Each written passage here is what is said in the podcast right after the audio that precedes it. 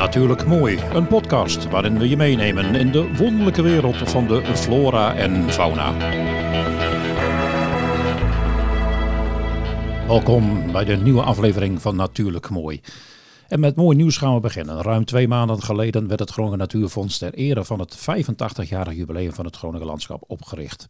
De teller staat uh, midden mei op een bedrag wat maar goed is voor maar liefst 21.131 vierkante meters grond.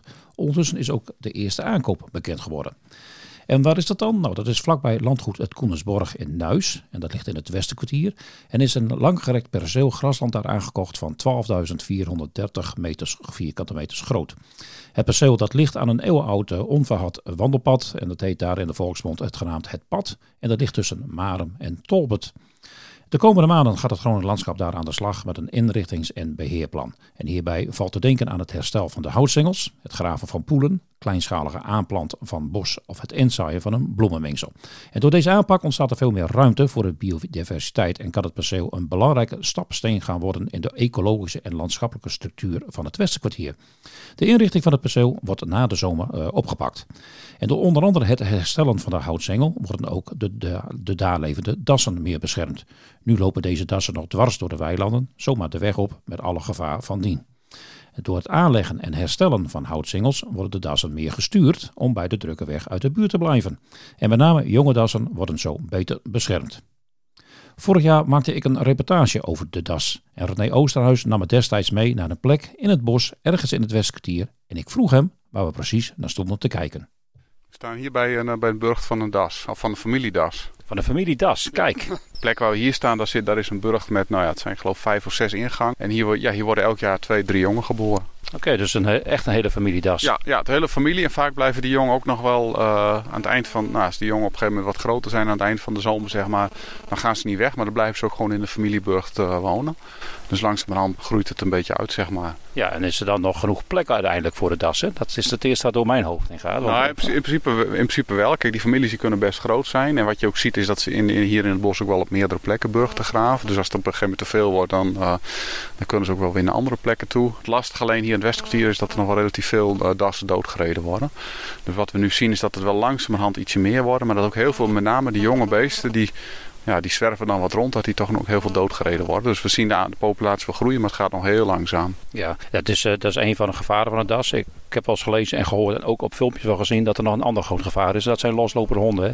Ja, Zeker vroeg in het voorjaar. Die vrouwtjes die, die zitten met, in de burcht. Daar krijgen ze een jongen. Die blijven anderhalf, twee maanden in de burcht. En dan pas gaan ze naar buiten toe. En met name die periode dat het vrouwtje in de burcht zit en de jongen nog moet baren, zeg maar. Dat is een heel, heel kritische periode. Als er dan iedere keer honden bij komen, dan raakt het vrouwtje de, de jongen kwijt. Nee, nee, eigenlijk horen in alle bossen de honden aan de lijn. Want je hebt naast de das heb je vossen en reeën en noem allemaal op. Dus er komen zoveel beesten voor. Ja, je moet eigenlijk gewoon altijd je hond aan de lijn houden. Want ook als iedereen zegt van mijn hond doet niks. Maar als een hond een, een haas of een konijn voorbij ziet komen, ze gaan er toch achteraan. De, de das, ja, de kenmerken van de das? Groot. Ze zijn, zijn hele grote, grote beesten. Zwart-wit, grijs behaard. En uh, hele korte pootjes. En vrij sloom. Vos, als je een vos ziet, rent hij altijd snel weg. Dassen die lopen heel rustig. Dan laten dassen zich bijna niet zien, want het zijn echt nachtdieren geworden in Nederland. Dus je, overdag kom je eigenlijk geen das tegen. En, en waar leeft de das eh, zelf van?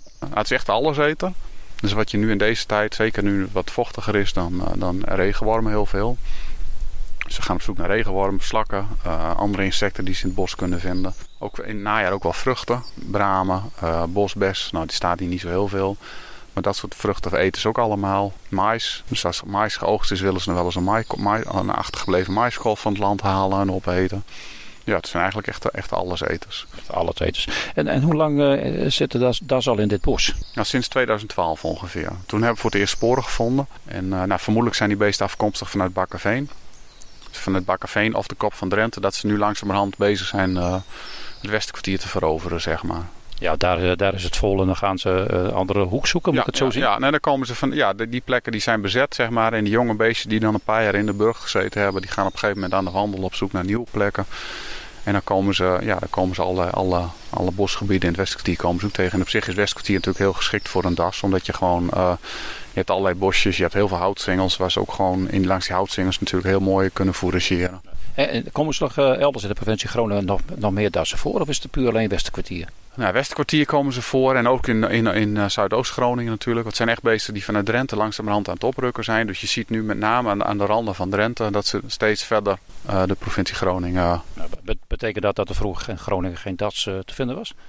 Jawel, ja, want we hebben zelfs in dit bos hebben we ook wel plekken waarvan we vermoeden, omdat een, een das, als hij zijn burg graaft, dan verzet hij heel veel grond.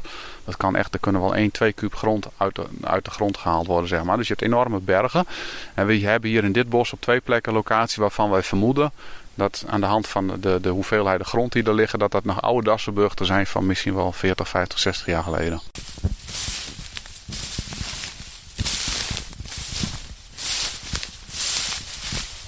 Wij uh, staan even naar de, de, ja, de rand gelopen. We staan hier langs een grasland. Uh, en we zijn op zoek naar de sporen van de, van de das, uh, René. Waar kan ik dat zien? En hoe? Ja, nou als je heel, je moet, het is sowieso iets om heel goed op te letten. maar als je een beetje er oog voor hebt, dan... dassen gaan heel vaak het bos uit om naar de grasland te gaan om te eten.